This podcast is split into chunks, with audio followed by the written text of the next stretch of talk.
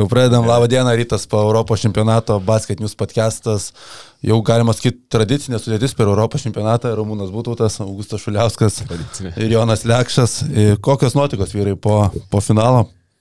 Uh, nu aš tai ir šiek tiek nusivylęs ir, ir patenkintas. Tai nusivylęs dėl to, kad laimėjo ta komanda, kuri, kurios lyderis yra naturalizuotas žaidėjas.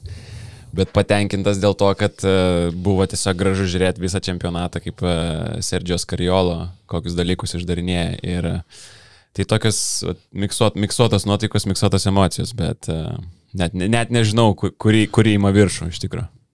Jo. Trijų savaičių maratonas iš tikrųjų nėra lengva krepšinio tiek atlaikyti.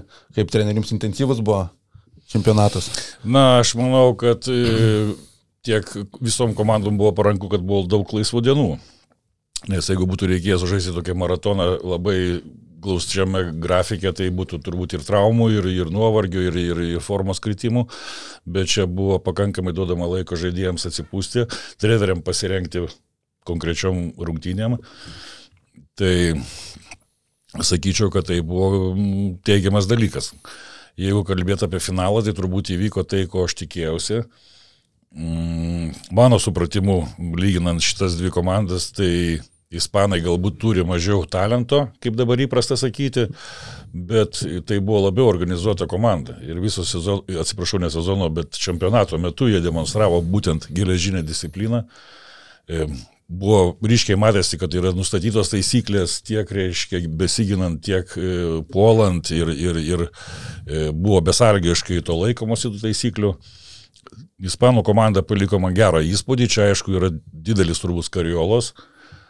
Nuopelnas gana kontroversiškai yra asmenybė trenerių bendruomeniai, tačiau reikia tikrai nukelti kepurę ir atiduoti jam pagarbą. Jo, biškai dabar aftopikas, jį pakalbėt, kad turėjo daug laisvų dienų, prisiminiau iš karto 27 metų atvejį, kuomet jūs pusfinalį pralaimėjote rusams ir ten buvo, kad jūs mažiau vieną dieną turėjote. Nuo to laiko ir liktais pasikeitė visą tą sistemą. Olimpiadai dar blogiau buvo, kai mes pralaimėjom kovą dėl bronzos, tai mes baigėm labai vėlai ir labai ryte iš anksto net mes treniruotės negalėjom padaryti. Tai turbūt FIBA daro kažkokias tai išvadas. Jo, tai šiandien Eurobasket finalai, pusfinaliai, simboliniai penketai, kažkiek aptarsim ir Lietuvos netokią tolimą ateitį. Bet pirmiausia, gal reikia padėkoti mūsų Milašiaus plano turėtojams, kurie negaili 50 eurų per mėnesį. Jų vis dar yra 17, laikosi tas skaičius ir kyla. Tai garbės lenta, Mindaugas Vepštas, e, gameroom.lt, playpro.lt žaidimų įranga, delona.lt, kava arba ta prieskonį dovanos, sportsnews.lt, Marius Uabai Solita, Vytautas Ratkus odontologas 24.lt, sportguru.lt, kėdai bei laisvalaikio apranga, Marius Milaševičius, UAB Mačiūnai, Justinas Bakas, UAB kokybiški vandenys, Paulius Tinteris, Fiksas LT telefonų remontas, Sauliaus įrankiai.lt Orlandas Nefas, Simonas Plungė, Lukas Kondratas Riedis.lt ir nepriklausomų autoekspertų agentūra Verlita.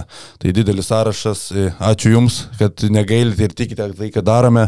Na, o dabar turbūt perinam prie krepšinio dalykų. Turbūt pradėsim nuo finalų, tada eisim į apačią iki pusfinalių, apie kuriuos irgi šiek tiek skirsime dėmesio. Tai Ispanija, Prancūzija atrodo niekas nesikeičia dešimtmečius Europos krepšinėje, bet atvirai tai mane šokiravo. Tas Ispanų triumfas nuo aštuntfinalio realiai netikėjau ne vienose rungtynėse, net ir kažkiek tikėjau, kad Suomi gali patikti sensaciją ketvirtfinalį, bet kaip netikėjau, taip ispanai vis paneigdavo tas mano prognozijas. Turbūt reikia nulenkti galvą.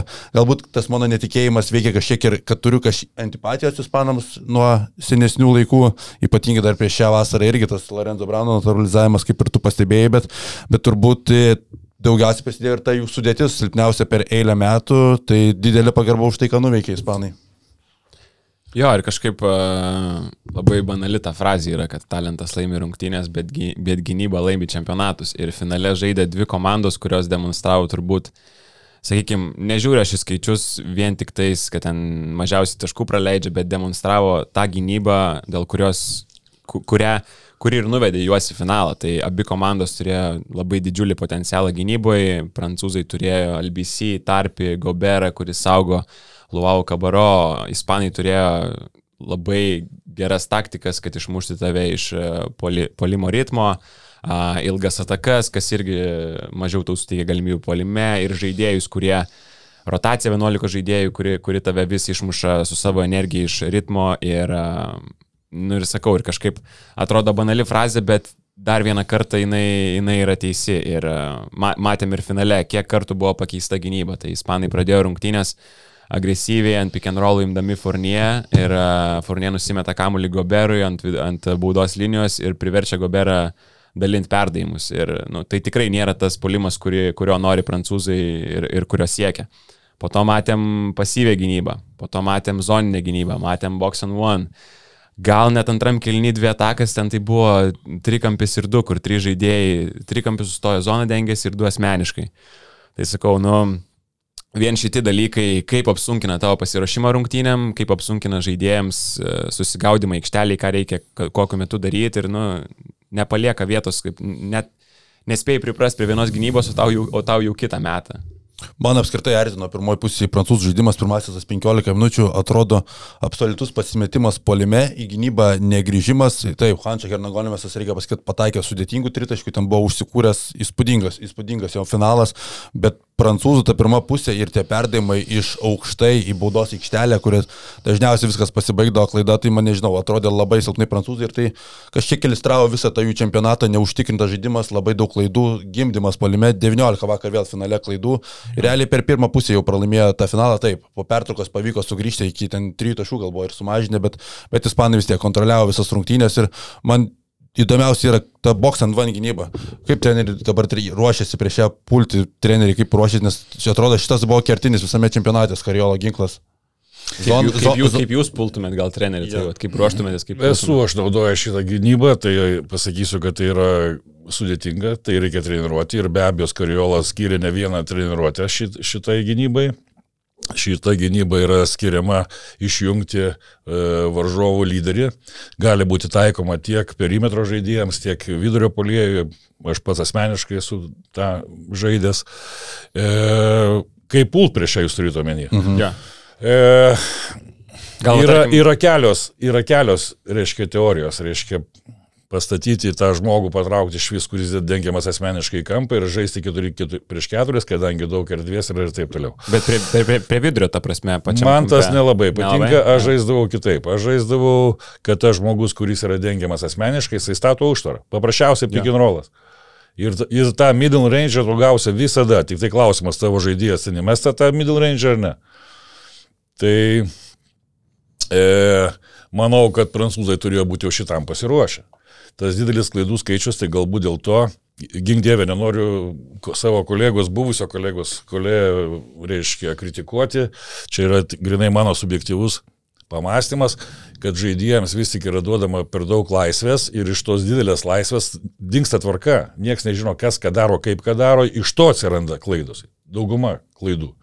Ir aišku, noriu dar paminėti, turbūt, kas man kryto į akį ir man labai patiko, asmeninė gynyba ispanų Jie ne tik uždinaindavo, bet ir jump to the ball tuo pačiu metu. Ir uždinaina, ir jump to the ball.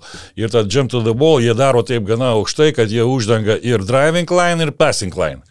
Už tai, už tai tiek daug ir tų perėmimų buvo, nu, bent jau mano akimis žiūrint.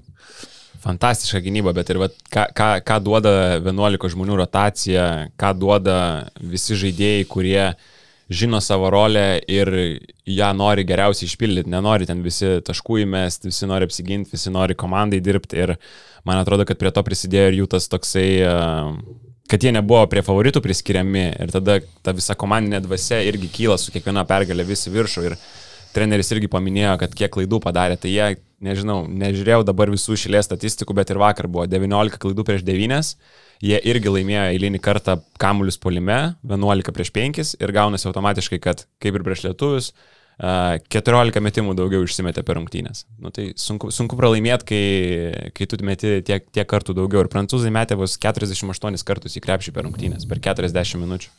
Jo, Vilė Hernagomis tada prieš finalą pasakė, kad mes neturime ko prarasti, mes jau savo nuveikėme, jau buvo galima jam pritarti prieš tą finalą, bet aš galvoju, kad mes čempionato metu kalbėjome, kad galbūt nueina gynyba į šoną ir dabar krepšinis keičiasi, čempionatus laimės didesnį talentą turinčios polime komandos, bet turbūt finalas paneigia, tai nes tiek ispanai, tiek prancūzai demonstravo vieną solidžiausių gynybų čempionatą, ispanai apskritai turbūt topinė gynyba.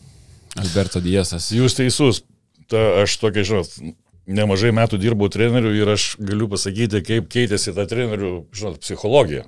Mhm. Atsimenu, prieš kokią 15-20 metų visi kalbėjo, man nesvarbu, ar jisai ten tas žaidėjas drausmingas ar, ar nedrausmingas, ar jisai sportinio režimo laikos ir nesilaiko. Man svarbu, kad jisai įmeta 25 taškus ir man duoda pergalę. Aš atsimenu, puikiai čia buvo televizija, mes su Rimu sakom, mes taip nedarom. Nes tokį žaidėją, kaip žinot, kaip lapiai į vištidę įsileidė. Tai vengdavom. Ir aš mačiau tą evoliuciją, kur treneriai pradėjo kitaip žiūrėti. Būtent žiūri, kad būtų asmenybė, kad būtų, reiškia, su savo komandos draugais sutartų ir taip toliau, ir taip toliau. Kad nebūtų selfish, kad taip toliau, taip toliau. Tai panaši evoliucija vyko ir, ir, ir kalbant apie gynybą polimą, ne? Nes yra žaidėjai, nu turbūt ten tų pavardžių neminėsiu, bet yra, kurie stipriai orientuoti yra į polimą ir labai silpni gynyboje, kaip sakoma, horrible, Kai visi trenerio paklausė, what about defense ir tau kažkas sako horrible. Nu tai viskas aišku jau tada. Ir tas toksai tik sako. no, no, no. Tai šitas keičiasi irgi požiūris ir neužtenka, kad žaidėjas įmes 25, nes jis paprasčiausiai praleis 26. Ja. Tai ieškoma tokių žaidėjų, kurie, kurie galėtų ne tik tai pelnyti taškus, bet ir apsiginti.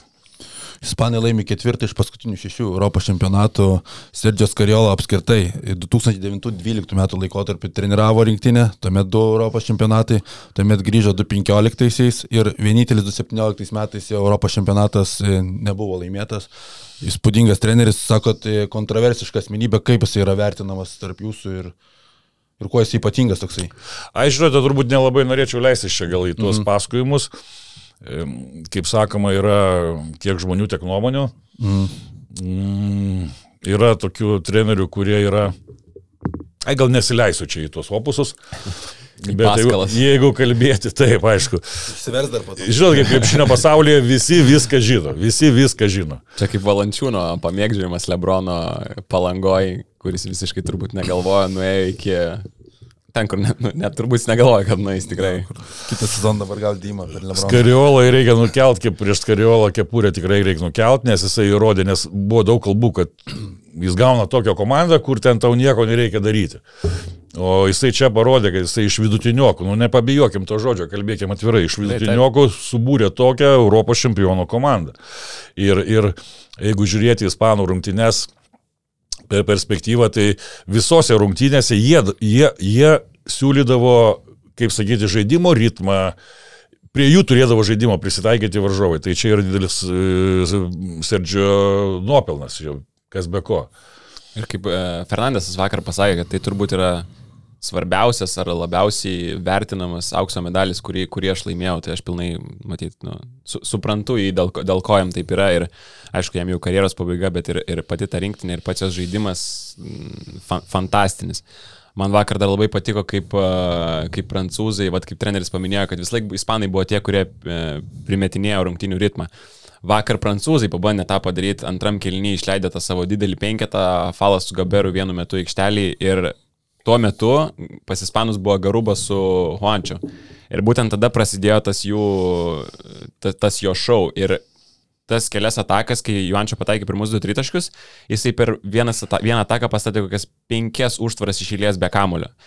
Ir ant penktos užtvaros ispanai prigaudavo savo žaidėją ir ten, man atrodo, falas gal dengia jį tuo metu ir ar ten žaidėjas nukerta ir jisai atšoka, ar jisai praslipina užtvarą ir atšoka ant tritaškių. Ir tiesiog falas nebespėja prie to, įmetė du, du tritaškius Ir, ir po to tokias rungtynės sužaidė, kad, nu, kas, kas galėjo iš jo tikėtis 7 tritaškių ir 27 taškų finale.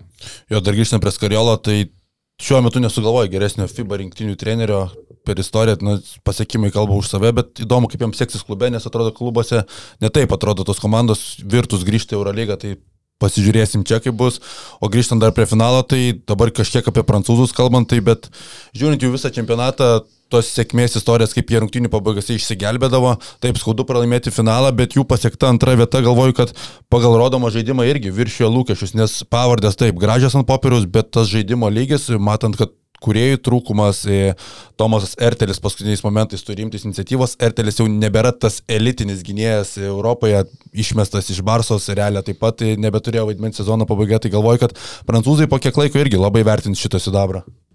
Na, aš dar paminėčiau, turbūt priminčiau dar jų rungtynės, kurie galėjo pasirinkti savo varžovą.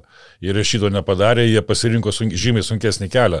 Tai čia irgi reikia atiduoti pagarbą jiems už šitą, už garbingą žaidimą. Ja. Mm.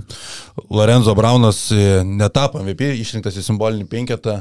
Taip pat taip, apie prancūzus taip nelabai. Ar tu turi kažką išplės daugiau? Ne, nu kai tu sakai, tu sakai kad e, Huertelis gal nelabai jau toks mhm. elitinis žaidėjas, bet jis šitam čempionate buvo turbūt vienas iš, iš geriausių jų žaidėjų, 10 taškų 7 jis tai ir e, turbūt nelabai daug, sakykime taip, simpatijų tarp, tarp žaidėjų, tarp visų medijos žmonių yra jų tarpe, jo tarpe, bet tai, kaip jisai žaidė šitam čempionate, taip kaip jisai komandos draugam, suras, surasdavo komandos draugus jų reikiamose vietose, tai man, man paliko įspūdį. Ir aišku, visą laiką yra gerai, kai Hartelis susimeta savo metimus tos prieš, prieš dropą, prieš pasyvę gynybą, nes jeigu jis jų nesusimeta, tai tada nebėra, nežinau, 60-70 procentų jo, jo žaidimo. Nežinau, man, sakau, labai trūko štai rinktinį Nando Dekolą nuo pat čempionato pradžios. Jeigu Nikola Batumą teritorpėjus kaip funkcijas ir galėjo atlikti. Tikrai ir finale vėl 4.9 atkovoti, kamaliai 15 nudigumo balų, tai prie Furnie man labai trūko dekolo, Ertelis nėra tokio lygio žaidėjas, mano manimu. Ne, bet sakau, kažkaip aš nesitikėjau, kad jis taip gerai atrodys su prancūzų marškinėliais. Ne, tikrai. O... E, manau, kad Okobo buvo tas, kuris e, nuvy, nuvylė daugumą ši, šito, šitoje rinktinėje. Taip pat.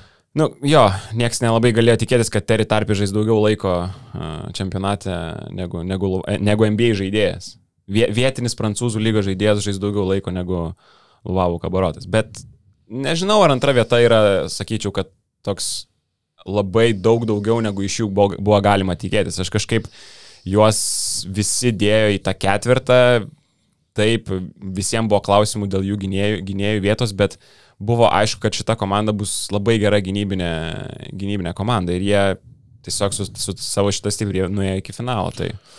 Tai prieš čempionatą tai faktas, kad tai buvo tarp favoritų komandų, bet aš sakau apie demonstruotą jų žaidimą.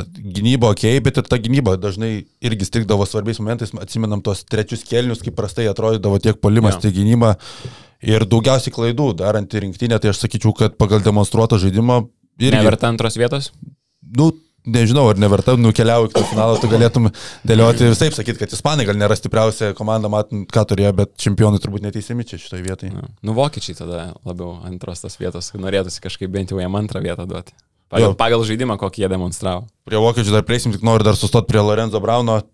Turit jūs visi savo nuomonę dėl tos naturalizacijos, bet e, turbūt jeigu jau leidžia žaisti krepšininkų FIBA, jeigu yra tokia taisyklė ir jeigu jisai, mano nuomonė, kad tai yra MVP, nes Vili Hernangomesas, sakykim, kad taip, turėjo geresnį naudingumo balų skaičių, tačiau jisai gyveno iš Lorenzo Brauno. Taip. Pilnai sutinku, pilnai sutinku. Na, aš turiu savo nuomonę ir iš mano rato žmonių, krepšinio žmonių, su kuriais teko bendrauti, palaiko, esame tos pačios nuomonės. Europos pasaulio čempionato olimpinės žaidynės tai yra nacionalinių rinktinių varžybos. Ir juose turi žaisti būtent tų šalių piliečiai. Na, Braunas irgi yra pilietis, bet jisai yra naturalizuotas. Ir tie naturalizuoti žaidėjai, na, niekam tas nepatinka. Man yra tekę, man yra tekę treniruoti Libano rinktinę ir aš mačiau, kas ten darosi Azijoje. Tai ten iš vis tą pasą tau išduoda kažkaip, aš nežinau, nu aišku, legaliai turbūt, nes būtų baudžiami bet tą pasą išduoda ten vos ne savaitę laiko. Ir ten tuos naturalizuotus krepšininkus keičia kaip nežinau ką. Tas... Konvejerių eina. Taip, taip, ten lieka savaitę, pakeičia tą ir vienu žodžiu. O ką ten amerikiečiui atvažiuoti, sužaisti dvi savaitės ir pasiimti ten vos ne pusės metų atlyginimą, kodėlgi ne. Bet ar jam yra įdomu, ar jam jisai, ar jis atiduoda širdį, ar jisai grius, kaip, pavyzdžiui, Rūdis vakar griuvinėjo, nu tai buvo gražu žiūrėti, kai 40 metų žmogus valiojasi ant grindų dėl kiekvieno kamulio.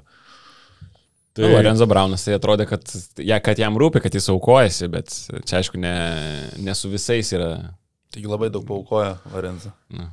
Atsisakė amerikietiško pasą. Na, aš tai netikiu, kad ten jis tiesiog. Bet čia didesnė. Ne, nesusitaręs, kad atgautų jį, nežinau, vėliau ar kaž, kažkokiu būdu.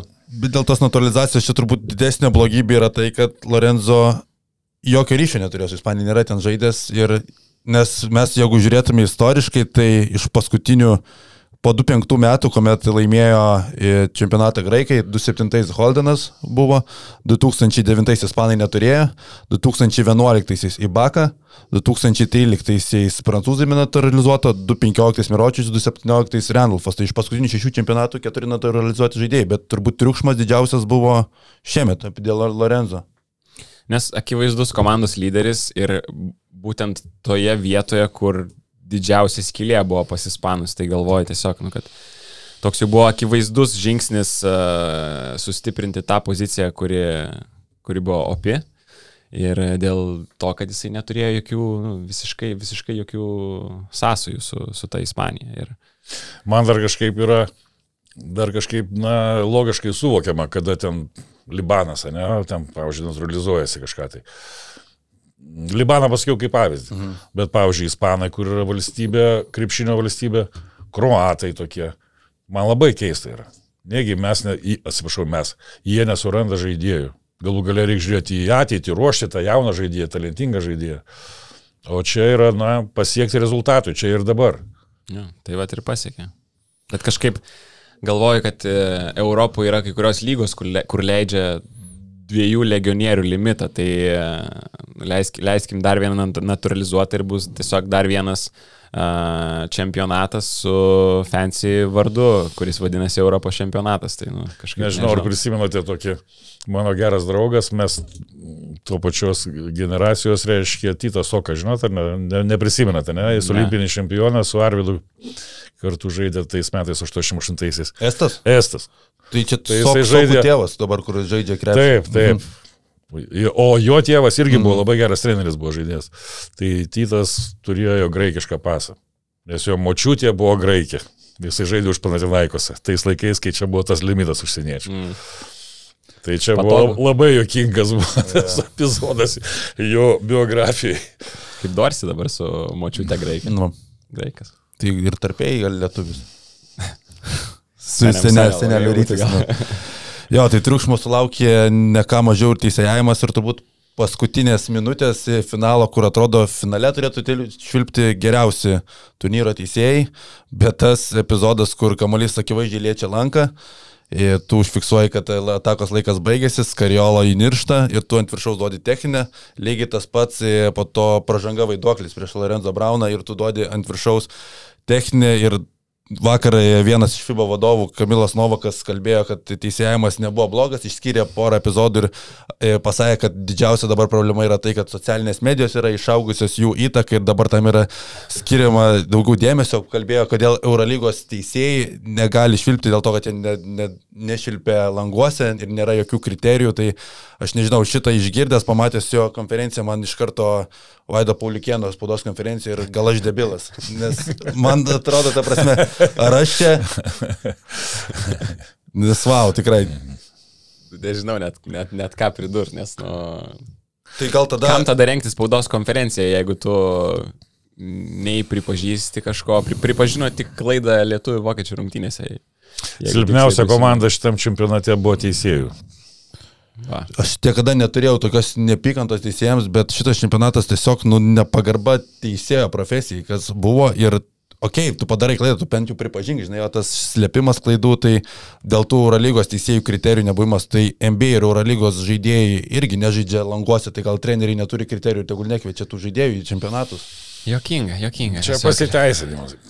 Bet kažkaip galvoju, gal, o, va tokia mintis mano, ar neprisidėjo prie šito čempionato populiarumo ir tokio masiško žiūrėjimo uh, ir kažkiek ir tos teisėjų klaidos.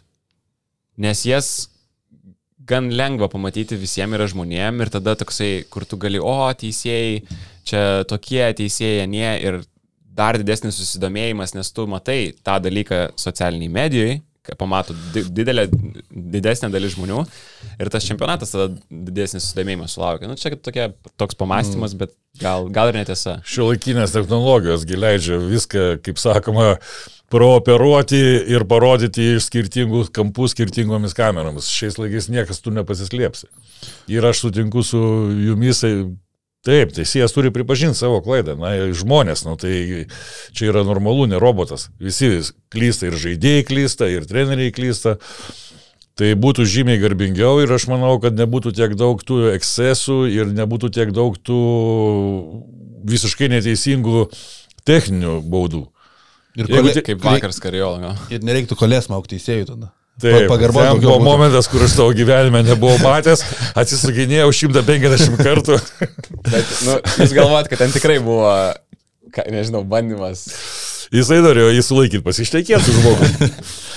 Bet jūs sakote, kad labai jisai toks diplomatiškas treneris. Taip, iš aš už tai ir nustebau, čia buvo galima, nu nežinau, iš Želko nu, tokį galima buvo sulaukti tokią. Iš Šaro gal Iš tikėtumės. Šeškaus Vavirgio galima buvo sulaukti, bet iš kolėtai mėgavausi, šimtą kartą susikinėjau.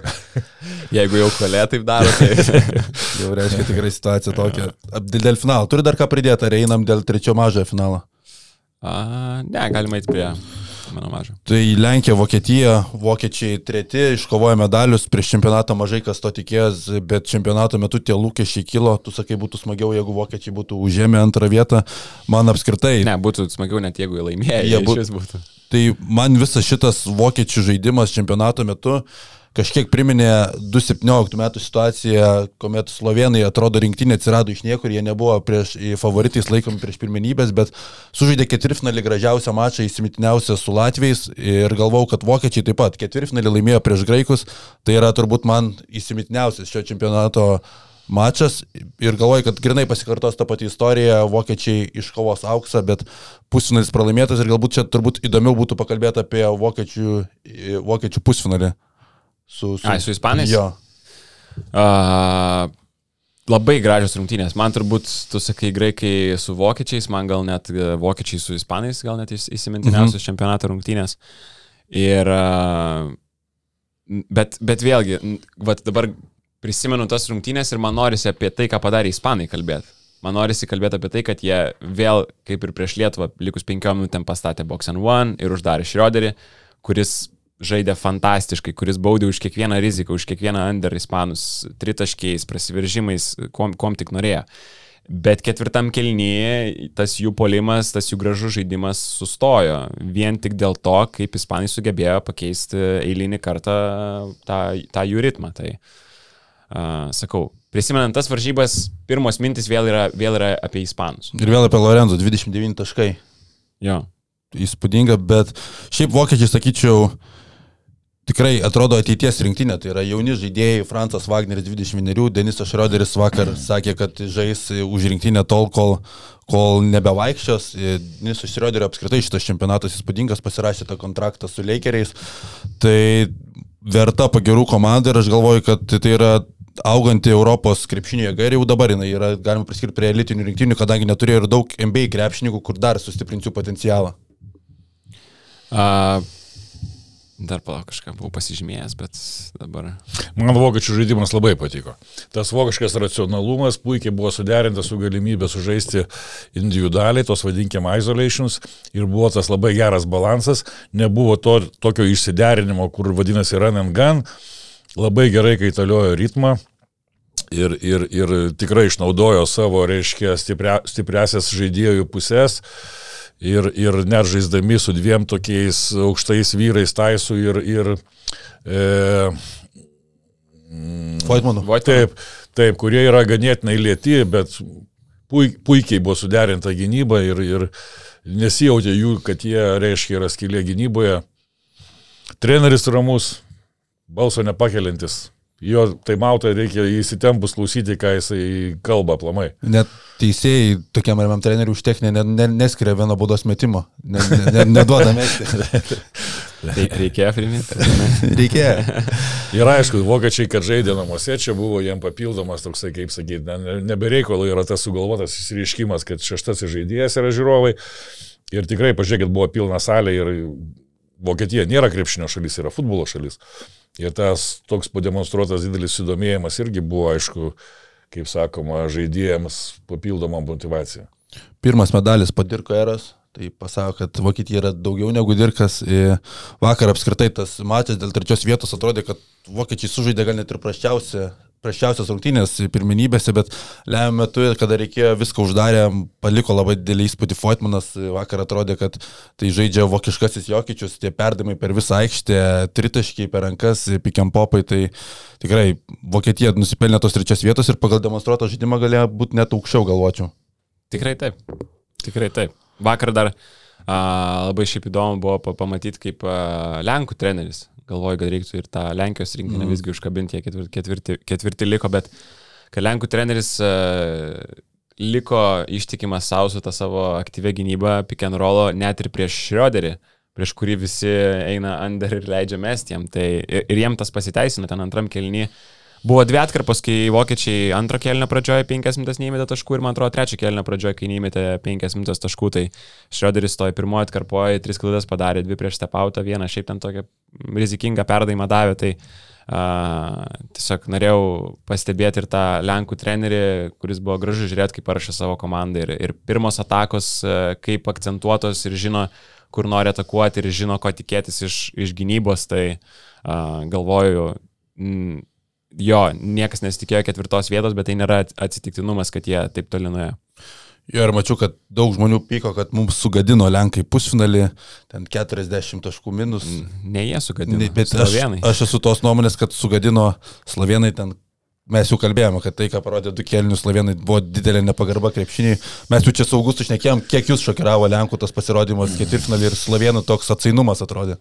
Na, iš vakaro tai pykau ant Lenkų, o ryte atsikėlęs, prabūdęs galvoju, nu taip tiems Slovenam ir reikia. Nu, jeigu, jie, jeigu jie taip neprofesionaliai, reiškia, elgesi Europos čempionate, Atviršės variantas, negu aš kalbėjau apie prancūzus, ne, kur prancūzai galėjo pasirinkti lengvesnį kelią, bet pasielgė garbingai ir perėjo į, išdėjo iki finalo. Na, o Lenkų tai aš dar paminėčiau vieną dalyką, kad, reiškia, treneris Ponitkai davė tą carte blanche ir, ir kad Ponitka labai daug laiko kontroliuodavo kamuolys, praktiškai žaidėjo žaidėjo pozicijai. Tai savo nebūdingui. O visa rinktinė, nu, tokie, kaip čia pasakyti, nežinau. Uh, To, ta, jeigu tas jau toks banalus pasakymas, taip, jiems talento trūksta, bet užsispyrimo ir darbo aikštelėje, tai juoda darbiai, hasleriai. Ir, ir būtent tas ir atnešė jiems tą ketvirtą vietą. Realiai ant keturių žaidėjų pečių laikėsi visa Lenkija, Ponitkas, Sokolovskis, ja. Balcerovskis ir...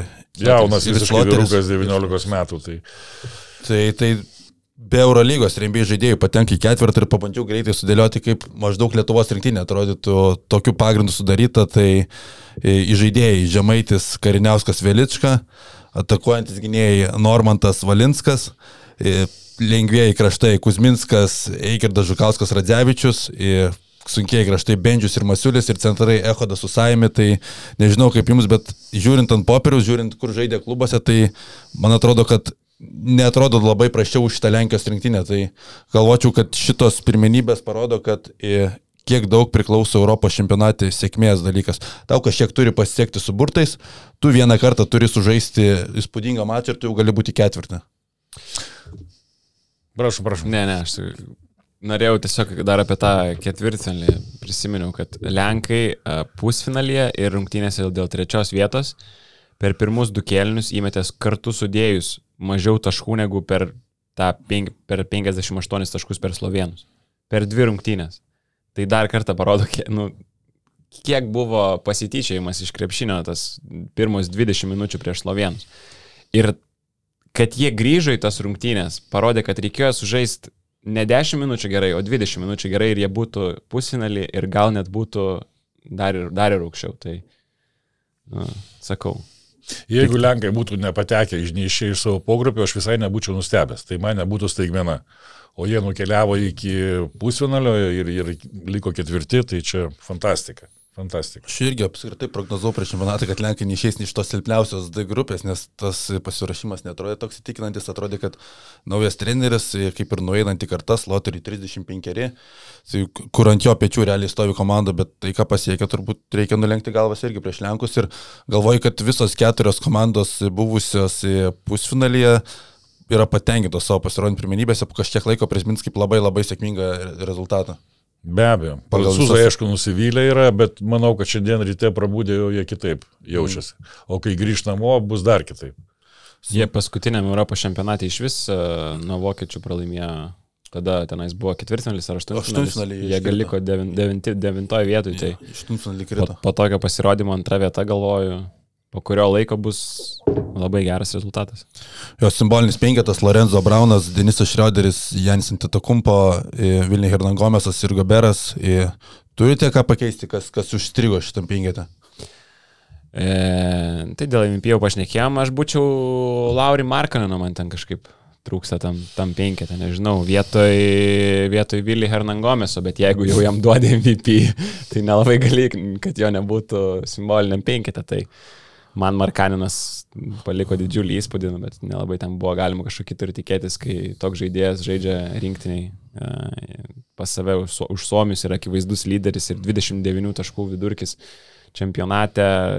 Puikus pasirodymas ir tose keliose playoff rungtynėse ir e, visgi 15 taškų pranašumą jie irgi turėjo prieš Ispanus. Tai suprantu, kad jie ne, ne, ne pirmam ketvirtė, bet, e, bet kažkaip galvoju, kad jį turėjo vietoj Vilį Hernandez. Jo, bet čia turbūt ta problema ir buvo, kad MVP davė Hernangomesui, ne Lorenzo. Braunui ir tu negali išimti Jo. tada Lorenzo. Bet sakau, Tie visi rinkimai yra labai subjektyvūs. Kiek žmonių, tiek būtų tų penketukų, žinot. Kiek ir o gali. kas balsuoja šiuo atveju? Nežinote? Nežinau, nu, tuos MVP, tai aš manau, kad prie Skariolos prie ir paklausė, kam duoti MVP, aš taip galvoju, nes taip man tai būdavo. Mhm. Ir tada įsivaizduot, kaip yra sunku pasakyti, kur tau iš tų 12 tavo žaidėjų visi brangus ir rimtai visi... trenerio klausė, Taip, taip. kam Taip. impydavęs. Ir Geras. kaip, kaip, kaip, kaip tau yra sunku pasakyti, duok šitam, nes yra nas nusipelnęs. Ir visi 12 jį ten žemę rėžia, kaip sakoma, minkštą vietą. Tai tas momentas treneriui labai nemalonus yra. Nu, jeigu kalbėti apie plamai, dar prisiminkim Suomius, man Suomių komanda labai patiko. Mhm. Suomiai žaidžia griežt, griežtą tą tokį vadovėlinį krepšinį, kur viskas yra sustiguota, suskaičiuota, apskaičiuota, su didelė energija, pažiūrėkit, kaip jie gynėsi. Ir aš, aš net vienu metu buvau pradėjęs už juos sirgti, norėjau, kad jie eitų keliautų dar toliau. Manau, ne, ne vienas jūs, ne vienas jūs. Mhm. O dėl penketo kas ten? Nežinau, man tai kas e, viskas prie to, apie tos apkalbėjom, Lauri Markinas irgi galvoju, kad turėjo būti tam penketė vietoj Hernagomas, bet man prancūzų pasirinkimas, kad Rudy Goberas, nežinau, man atrodė viso čempionato metu žymiai patikimesnis žaidėjas yra Geršonas Ebuselė ir matant, kaip jis atrodė Goberas, pusnolio neskaitom, okei, okay, ten viskas buvo aišku labai anksti, bet mm. finale ir tas jo sprendimai jo aikštelėje, okei, okay, suprantu, kad didelę įtaką daro gynyboje, bet tuos lemiamų metų pasižiūrėjus jo žaidimo Gabero, tai aš tikrai šiuo atveju rinkčiausi buselę. Tai Jebuzelė tikrai gerai žaidė, bet aš galvoju, kad labai, uh, tai visų pirma, Goberas pagal tą efektyvumą, taškus ir taip toliau, nepalauk, pagal taškus, ne, ne, bet pagal efektyvumą, į ką labai kreipia dėmesį. Aš kiek, kiek žinau, už tos visus penketus ir MVP balsavo me, medija tiesiog. Mhm. Ir uh, tai daug kas žiūri į, į tą efektyvumą, ko aš nesu labai didelis fanas to statist, statistinio rodiklio, nes labai lengva aukštiems žmonėms yra tą... Hernagomas taip ir buvo jaučiu paimtas, kad Jo. didžiausią naudingumą turės. kai pusę jo taškų padaro Lorenzo Braunas ir tiek pat metą. Tai, bet, nu, Gobero ta įtaka tiesiog gynybai, vien jo tas buvimas aikštelį ir baudos aikštelį buvimas yra ne, nesuskaičiuojamas ir tu negali jo įvertinti kažkokiais skaičiais. Ir aš galvoju, kad ir jo vardas padarė kažkokį tai sužaidė, sužaidė šiek tiek šitam, šituose rinkimuose. Mm. O Bet- Jan, Janis? Janis man viskas tvarkoja, tu prasme, kaip Janis dominavo, parodė, Jo. kad FIBA krepšinė, tai toks, tokia žvaigždė iš tų trijų bent jau turėjo būti traukta, nors ir nepateko į ketvirtą. Bet apskritai mes kalbėjome pirmą, ypatingai savaitę po aštuntfinalių kalbėjom, kad tai turbūt yra įsimintiniausias Europos čempionatas istorijoje pagal jo lygį, pagal tai, kokią žvaigždę žaidžia, bet po to į antrą savaitę, kuomet prasidėjo tas sensacija po sensacijos, iškrito Janis, iškrito Jokičius, iškrito Dončičius. Ir man įdomu jūsų nuomonė, po kelių metų, kaip jūs atsiminsite šitą Europos čempionatą, ar vieną įspūdingiausių dėl savo staigmenų, dėl žaidėjų lygio, ar kaip neišpildytų lūkesčių čempionatą, kur nepamatėme tų dvikovų tarp Janio prieš Jokičių, Janio prieš Dončičių ir panašiai. Na, po kažkiek laiko pasimirš, pavyzdžiui, ten tos teisėjų klaidos pasimirš ir liks tik tai sausa statistika. Ir mano nukai atsivers ir pamatys, kad, reiškia, pirmi buvo ispanai, antri prancūzai, treti vokiečiai, o ketvirti lenkai. Ir sakys, o, lenkai ketvirti buvo.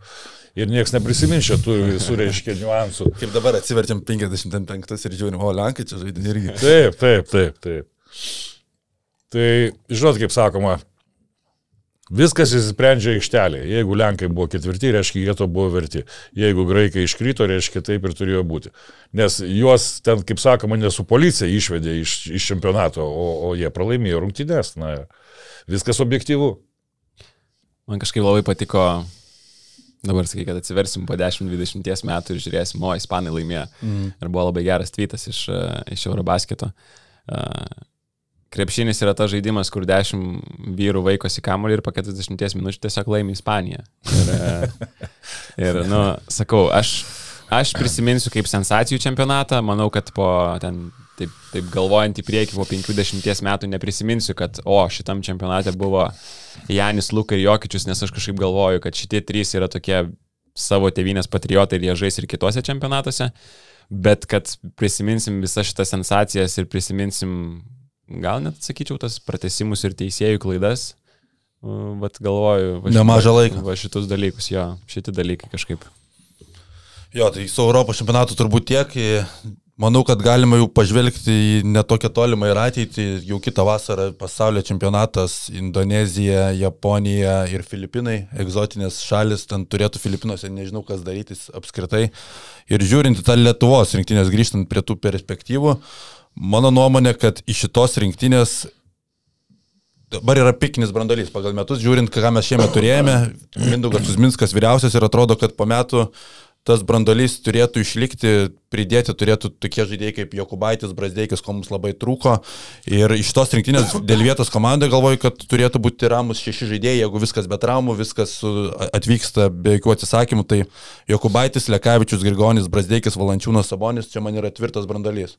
Sutinku. Aš irgi buvau pradžiai, kai tu pasakėjai, kad šitą pasižiūrė klausimą mhm. podui, aš buvau pasirašęs šešis žaidėjus, po to tokie du sekantis yra, kur mažiau užtikrinti, bet galvoju, kad bus tai Kuzminskas ir Butkevičius galvoju. Mhm. Jie šiais metais savo žaidimų rinktiniai uh, įrodė, kad uh, kokią naudą gali duoti, ypatingai prie to brandalio, ypač prie to brandalio, kurį mes, kurį mes turim. O, o toliau jau ten yra labai daug pas mane pavardžių, tai nežinau, ar treneris, ar, ar ką tu pasižymėjęs. Tai galim dar pakalbėti apie tos, kas čia iš šitos rinktinės turėtų priaukti. Aš galvoju, kad Jokubaitis dar metus pašarūnai Sikevičių pagrindinis rinktinės žaidėjas, tai turėtų būti labai didelis pastiprinimas žiūrint į kitą vasarą. Ignas Brasdeikis taip pat turbūt metai Europoje turėtų dar labiau pakeisti ir daugiau stabilumo pridėti. Domantas Savonis, Jonas Valančiūnas, pikiniai ir nemanau, kad kažkas keisis, nebent į viršų gali kilti. Tai žiūrint iš tos e, bendro fono turėtų sufleruoja tai, kad mes, mes tikrai būsime tame pasaulio čempionate, užtenka vienos pergalės atrankoje ir kitą vasarą mes turėtume dar stipriau atrodyti bent jau ant popieriaus. Ir aš taip manau, ir aš taip viliuosi. Manau, kad šitas čempionatas labai daug toks nesėkmingas. Čempionatas labai daug tam pačiam Jekubaičiui jūsų minėtam. Be jokios abejonės ir Kazijui Maskvyčiui tai bus didelė nauda. Nebereikala ir toks įsireiškimas yra irgi nuvalkiotas banalus. Viskas, kas mūsų nenužudo, tai padeda mums sustiprėti. Ir aš žinau iš savo patirties, kad pergalės užliuliuoja, o pralaimėjimai tave sukrečia, pradedi ieškoti savo klaidų, pradedi analizuoti giliau, nustoji tikėti savo genialumu. Ir, ir, ir tai būtent treneriui man tai buvo, pavyzdžiui, kaip pasakyti, nu, to patobulėjimas. O tokiam Jokubaičiui, kuris, reiškia, vėl turėjo galimybę žaisti dviejose absoliučiai skirtingose stiliuose, turiu omeny klubinį krepšinį ir rinktinę. Ir kur čia rinktinė jisai jautė didelę labai atsakomybę, nes iš jo buvo labai daug tikimasi, o jam, nepamirškime, yra 21 metai. Jis yra toks pa žmogus kaip ir mes visi, su savo jausmais, su savo baimėm ir taip toliau, ir su savo savygraužom. Tai aš manau, kad tą, ką šiandieną praėjo tą pragarą mūsų rinktinė, ne, nes 15 vieta, nu, tai yra vis tik didelis psichologinis, kaip sakyti, nu, tai yra nelaimė, aš jums pasakysiu iš savo, iš savo patirties, tai yra nelaimė. Faktas. Ja. Ir, ir tai aš manau, kad duos didesnę naudą, negu mes kažkokiais tai būdais ten būtume prasprūdę ir ten, žinot, laimėję ten, ten medalius. Tai daugiau naudos čia yra pralaimėti, žiūrint į ateitį. O mūsų rinktinė yra tikrai pajėgi, yra pakankamai jauna, turiu omeny ir treneriai irgi pakankamai jaunas ir aš manau, kad Įman dar įvertinkim tai, kad mūsų, reiškia, jaunimo rinktinės turėjo puikų, puikią vasarą, kas irgi suteikia vilties, kad artimiausiai ateityje bus naujų talentų, kurie įsilies į rinktinę. Tai nereikia čia, kaip sakoma, barstytis galvos pelenais, reikia žiūrėti su optimizmu į ateitį. O treneri, kaip galvojat, ką Brazdeikiui duos pirmas sezonas Eurolygoje, ko galima tikėtis, kokio šuolio progresinio galime tikėtis iš jo, kokiuose žaidimo elementuose? Be jokios abejonės, na, mano akimis žiūrint subjektyviai, mano akimis bus nuopolių, mm. nes yra vienas dalykas žaisti Europos čempionate, aš turiu omeny europietišką krepšinį. Ir kitas dalykas yra žaisti Eurolygoje. Čia yra sprintas, o ten yra maratonas. Tai per maratoną viską gyvūna, ne? Ir apsivėmė ten tie bėgikai ir taip toliau. Mm. Tai Bet jisai čia gaus patirties ir aš tikrai tikiu, kad kitais metais jisai bus dar naudingesnis. Jisai šiemet atnešė naudos tikrai daugiau, negu aš asmeniškai noriu jo atsiprašyti, aš nesitikėjau, kad jis tiek naudos atneš mūsų rinktiniai. Mm. Tai aš manau, kad po šito sezono žalgeryje jis dar labiau apsitrins ir, ir, Ir mes turėsim tikrai puikų lyderį. Tai turbūt didelis pliusas tai, kad ir Kazis Maksytis visus metus treniruosi. Be jokios abejonės. Be jokios abejonės. Jo, ir mes su Augustu išsiskyrėm, išskyrėm kelis e, žaidėjus, kurių šią vasarą nebuvo ir kitą vasarą galbūt galėtų sustiprinti rinktinę, žiūrint tai, ko trūko, bet pirmiausia, aš dar norėjau paklausti trenerio. E, Lietuvoje eilę metų yra tokia nuostata tarp trenerių, kad į rinktinės reikia kviesti 12 geriausių žaidėjų nesvarbu pagal pozicijas, ko tau trūksta, bet jeigu tai yra geresnis žaidėjas už tą, kuris nominaliai galėtų duoti daugiau, mes jį vežamės kaip parodė, kai Ispanų pavyzdys Alberto Diezas, kuris tikrai nebuvo geriausias tarp tų pagal, pagal savo lygį, bet jisai aiškiai žinojo, ką duos, teri tarpėjai irgi Prancūzija yra kitų talentų, kurių tikrai apie tarpėjų net negalvotum prieš čempionatą, kad jis galės tokią didelę duoti naudą. Nemanot, kad tas požiūris kažkiek turėtų keistis ir treneriai pradėti žiūrėti ne, kad pasimti 12 geriausių žaidėjų tuo metu, o to, kaip dėlioti, kaip tavo komandai geriau būtų? Na, aš nenoriu, kad tai nuskambėtų kaip ten subjektyvios nuomonės brukimas rinktinės treneriams. Mhm. Nenoriu, kad tai nuskambėtų, bet aš, aš kalbu, kaip aš daryčiau, kaip man atrodo. Tai visų pirmiausia reikia taip, kad kiekvienas žaidėjas prie kito žaidėjo dėrėtų. Ir galbūt tas 13 žaidėjas už borto liks, nu kaip čia įsireikšti, na, ant popieriaus talentingesnis. Bet kiekvienoje komandoje reikalingi ir hasleriai kurie atliks juodą darbą, kurie padės užtušuoti, reiškia, mūsų ten kai kurių lyderių, pavyzdžiui, minusus aikštelėje. Galų gale Šarūnas Isikevičius turi gerą posakį labai, kad reiškia reikalingas ir geras rankšluošio mojuotojas ant soliuko. Tai aš manau, Tas, kad... kuris būdamas 12 žaidėjų taip, palaikys taip, nuo širdžiai. Gerą atmosferą, rūbiniai padrasins, ten ašarą nuvalys ir taip toliau. Oriola šiemet. Kas? Oriola. Tai, tai tą tokią dėlionę, tą pazlą ir dėlioja treneris. Nenominaliai, galbūt labai geras liks už borto, geras žaidėjas, bet tie žaidėjai turi sutapti vienas su kitu. Jo, aš pasižymėjau, jeigu taip pereinant, tai kas tikrai kitą vasarą būtų, čia net nėra diskusija, jeigu jisai galės, tai Edgaras Ulanovas, kurio šiemet nebuvo ja. ir duotų to ir turbūt ketvirtoje pozicijoje vienas iš tų metančių ketvirtųjų numerių, ar tai būtų Alisevičius, ar tai Eimantas Bendžius, kur tikrai, jeigu jie... Jie patys. Turi pasižymėjęs. O iš tų tokių, kur būtų įdomu pabandyti, aš turiu pasižymėjęs į tris krepšininkus. Tai pirmiausia, aš galvoju, kad labai trūko išreikšto metiko, Ir man labai bus įdomu, kaip, bus, kaip seksis Davidui Servidžiu artėjančiame sezone ir aš manau, kad jis vasarą to šansų tikrai nusipelnys bent būti pakviestas tarp kandidatų. Nes man atrodo, kad čia ta vieta, kur gali iššauti.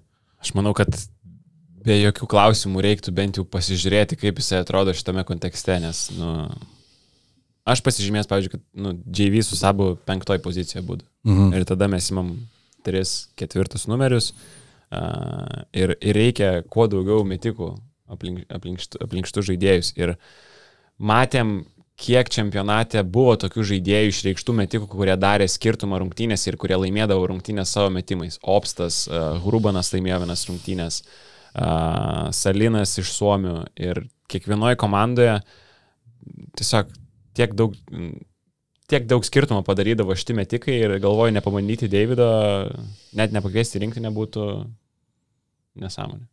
Kaip treneri, jums turbūt senai matėte Deividas ir Vidį gyvai, sunku komentuoti, bet apie tą įspūdį. Na, čia yra trenerių prerogatyva, kaip jie mato taktiką, kaip jie mato tą dėlionę pazlą, vadinkime, ne, Ja. ir nesinori lysti su savo patarimais, bet turbūt bent jau pabandytai reikėtų.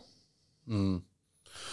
Toliau kalbant, tai galvoju, kad šitai rinkti labai trūko gynybos ir pagal savo galimybės gynyboje aukščiau vidurkio turbūt buvo žaidėjas tik tais e, Arnas Butkevičius šitoje rinktinėje, kuris gynasi geriau negu vidurkis.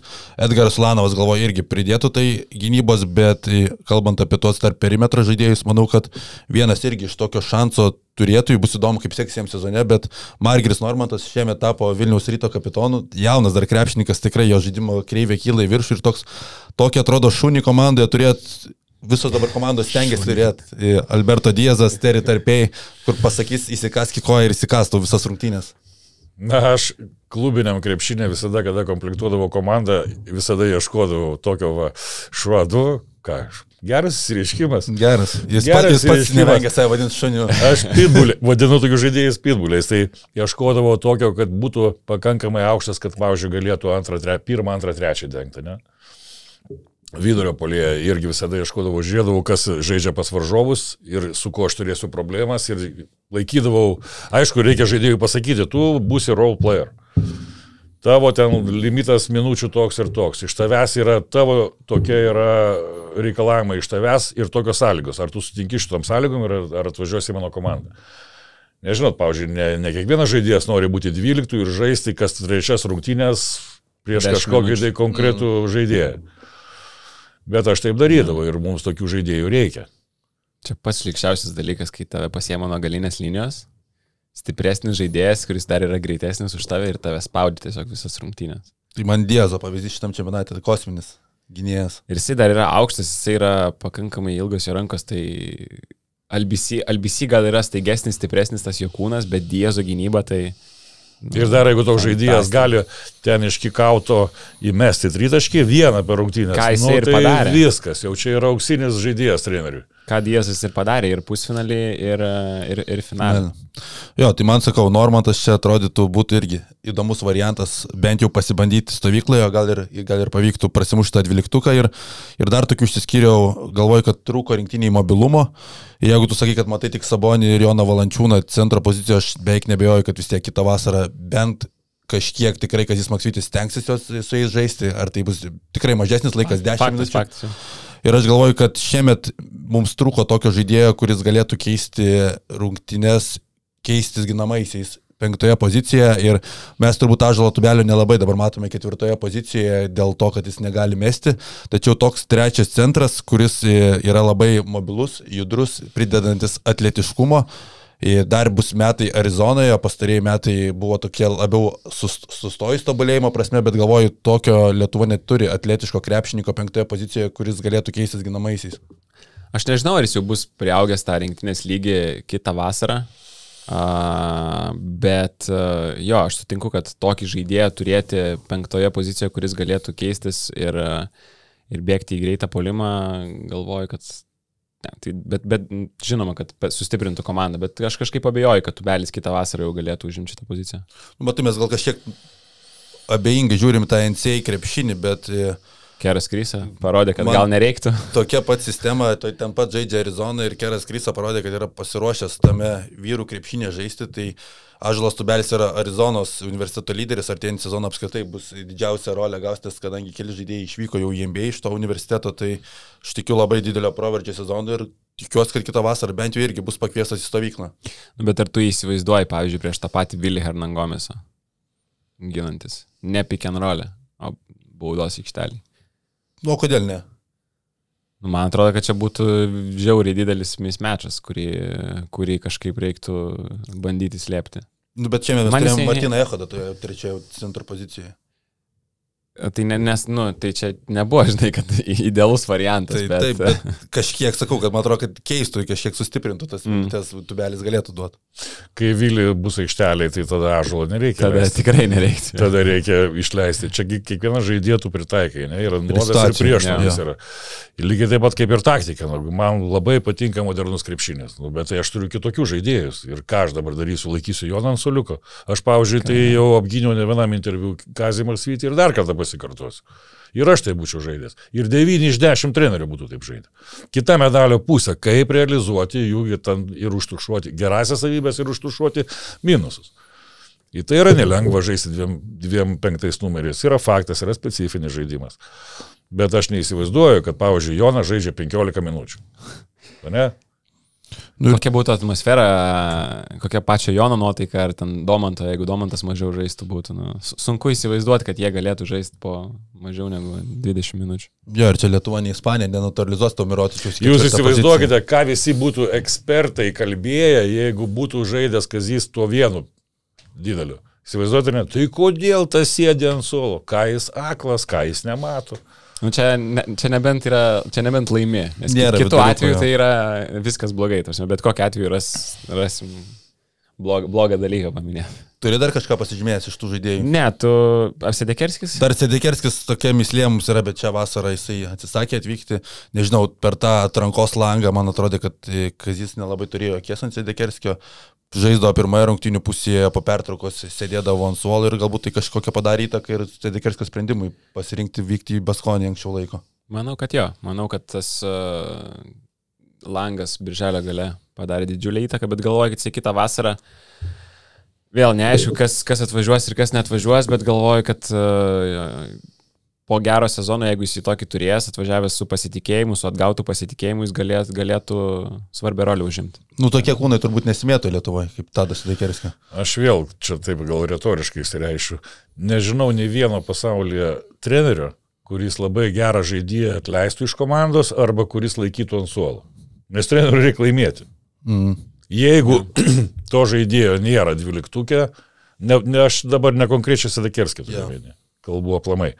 Arba jisai sėdė ant suolo neišeina į aikštelę, reiškia yra kažkokia priežastis, kurios mes nežinome ir iš šono nematome. Nes treneris gi nekvailys yra. Jeigu yra treneris nusprendžia tokį dalyką padaryti, reiškia yra kažkokios tai priežastis. Nes nežinau nei vieno trenerio, kuris norėtų specialiai pralaimėti. Jam kaip tik reikia laimėti. Ir jis darys viską, ten myli tą žaidėją, nemyli. Čiagi nepaslaptis yra, kad mes treneriai irgi esam žmonės. Tu kažkur jauti simpatiją, antipatiją. Taip, tą reikia valdyti, tą reikia būtinai valdyti. Nes man dar mano tėvas amžinatelis sakė, kad čia yra gero trenerio ypatybė, kai tau yra visi lygus, kai tu nuo tų simpatijų, antipatijų atsiriboji, tada gali daryti, kaip sakyti, žymiai objektyvesnius sprendimus. Bet mes tai žmonės gesam vis tiek. Nori, nenori, tos silpnybės tavo pasireiškia. Tai, tai tiek, aš dabar biškiai nuklydau. Da, Viskas gerai. Čia. įdomių, Tos, to ir susirinkomės. įdomių kampų palėtė, tai turbūt apie tą Lietuvos rinktinę kitų metų tiek kelias jau dabar prasideda tą pasaulio čempionatą rūpiučio 25 rugsėjo 10 dienomis Azijoje vyks pirmenybės, reiškia lieka jau mažiau negu metai. Klausyk, gal ir mūsų išsiųs. Mūsų gal išsiūs. Ar paliks vėl? Mes, gal čia va su Ramūnu. Man patiko, tiko. Jo, patiko ir man. Ačiū Jums, treneriai, kad Malonu. atvykote. Buvo smagu. Tai viskas, sezonas jau užsisuka. Ką tik atrodo baigėsi Europos e, čempionatas, bet e, pradedam jau žiūrėti priekį. Artėjantį savaitgalį prasideda LKL, po to ir Eurolyga. Viskas įsivažiuos. Labai gerą startą į sezoną turėjom su Europos čempionatu. Basketinius podcastas šiandien tiek. Ačiū žiūrėjusiems. Čia iki. Sagaro. Žiūrite mus ir aišku turite palaikinti. Po kai palaikinat, čia subscribe mygtukas. Ir po visko, žinoma, tapkite Basket News Plus nariu. Čia.